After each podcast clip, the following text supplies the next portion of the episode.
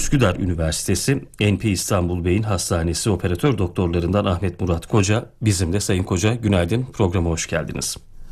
Günaydınlar ben teşekkür ediyorum. Hoş bulduk. Çok teşekkür ediyoruz konuk olduğunuz için.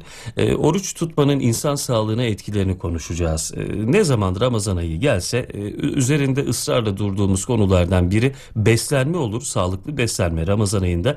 Diğeri de insan sağlığına olan etkileridir orucun. E, son dönemde yapılan yeni çalışmalar var mı bizimle paylaşabileceğiniz?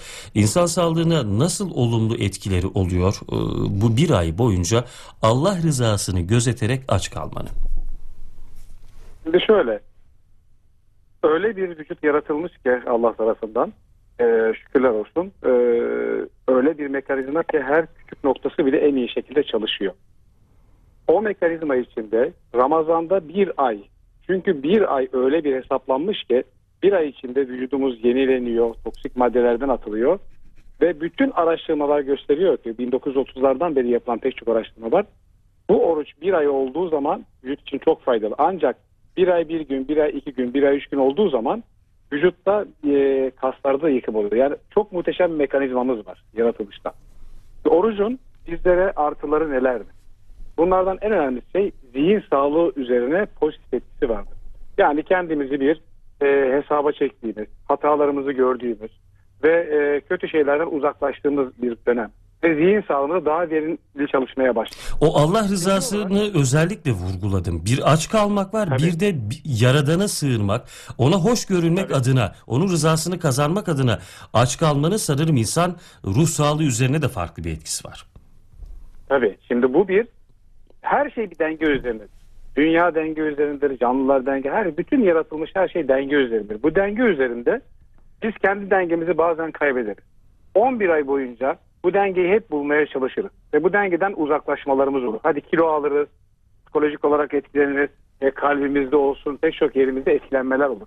Bu bir aylık dönemde ise kendimizi bir e, hesaba çekme dönemimizdir yanlışlarımızı görme, hatalarımızı bulma dönemi, toplumun birbirleriyle kaynaşması, kendimizi yenilenme dönemi. Beden sağlığımız üzerine de yine aynı şekilde pek çok artılar ortaya çıkıyor. Bunları Nelerdir o artılar Sayın Koca? Şimdi bu artılara baktığımız zaman şöyle bir, beyin sağlığı ve fonksiyonları üzerine çok pozitif etkisi var. Özellikle bu dönemde kök hücrelerimizin e, algılanma, kök, kök hücrelerimizin artışında etkilenme oluyor. Ayrıca dejeneratif durumda yani bozulma durumlarında da gerilemeler oluyor. Özellikle pek çok araştırmada şunu gösteriyor. Alzheimer ve Parkinson gibi hastalıkların oluşmasını değil ancak ortaya çıkmasını geciktiriyor ve belli bir yerde durmalarına artı olarak dönüş yapabiliyor. Artı zihnimiz daha iyi çalıştığı için daha iyi düşünebiliyoruz. Daha iyi bir öğrenme dönemine girebiliyoruz. Ayrıca vücudumuzda enflamasyon dediğimiz böyle belli enfeksiyonların, belli ödemlerin ortaya çıktığı bir durum oluyor bu 11 aylık dönemde. Bu bir aylık dönemde ise bu vücuttaki enflamasyonlarda gerileme oluyor. Artı mesela MS hastalığı, multiple skleroz dediğimiz hastalıkta bile olumlu etkiler ortaya çıkmakta. Yani beyin fonksiyonlarında bir yenilenme ortaya çıkıyor. Bu en önemli etkilerden bir tanesi. İkinci en önemli etkilerden bir tanesi bizim sindirim sistemi sağlığının üzerine artı etkisi vardır. Bağırsaklarımız bizim ikinci beynimizdir. Yani birinci beynimiz var, bu da ikinci beyindir. Yani bütün vücudun her şeyin etkilendiği, öğrenme mekanizmalarının bir etkilendiği, etkileyen bir sistemdir. Bu sistemin de dinlenmeye ihtiyacı var. 11 ay boyunca ne oldu, yoruldu. Bir ay dinleniyor, kendisini yenileniyor. Orada bozulmuş hücreler varsa onları tanıyor ve onları yok etmeye gidiyor. Ve yeni yeni hücreler ortaya çıkıyor. Yani bir yenilenme dönemi oluyor. Onun haricinde mesela karaciğerimizde yağlanmalar ortaya çıksa bu yağlanmada geri dönüş oluyor. Pankreasımız daha dinlenme dönemine geçiyor. Şekeri daha iyi kullanma, insülini daha iyi kullanma dönemine giriyor.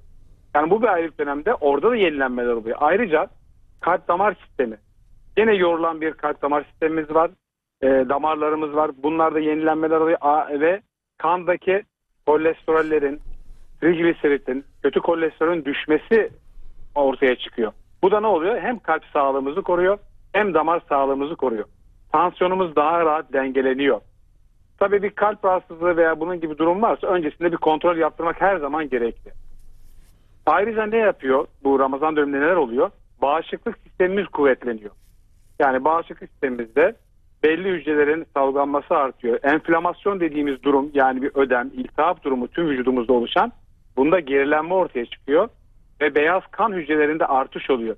Vücudumuz dirençleniyor. Yani bir e, pilin şarj edilmesi gibi bu dönemde vücudumuz yeniden şarjlanıyor. Yeniden böyle doluyor. Ve kanser hücreleriyle de savaşmamız eğer bir kanser oluşabilme ihtimali varsa ya da oluşmuşsa bunlardaki kötü hücreleri daha rahat tanıyor ve yok etme yoluna gidiyor. Bazı araştırmalar şunu gösteriyor. Böyle mesela dünyada intermittent fasting yani aralıklı aç kalma e, diyetleri de vardır.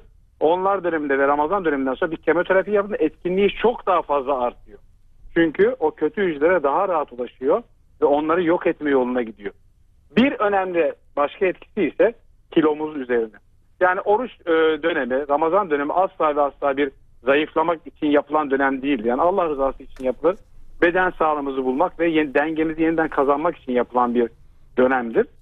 Bu dönemde de özellikle orucumuzu yaparken eğer ki dengeli ve sağlıklı olarak besleniyorsak, abartmadan besleniyorsak, ısraf etmeden besleniyor isek vücudumuzun yüzde ağırlığının yüzde sekiz, yüzde onluk kısmını da kaybedebiliriz ve daha sağlıklı bir vücuda ulaşabiliriz.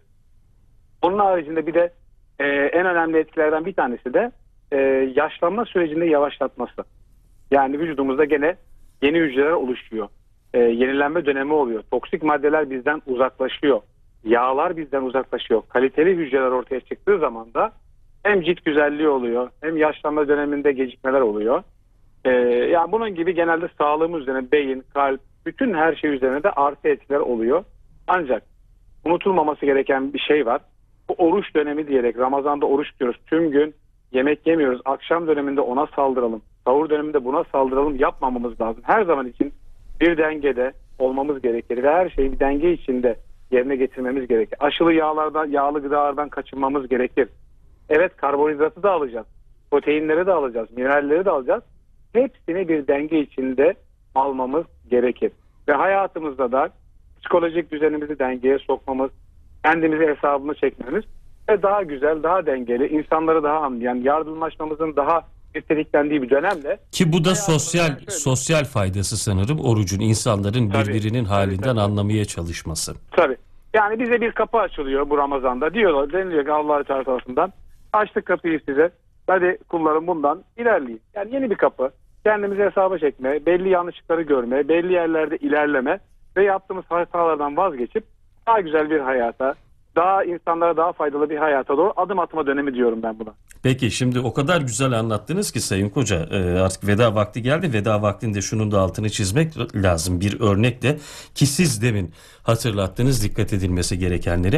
E, rejim yaparız fakat rejim yaparken acıktığımız gerekçesiyle spor yaparız zayıflayabilmek için fakat acıktığımız gerekçesiyle daha fazla tüketme eğilimine gireriz.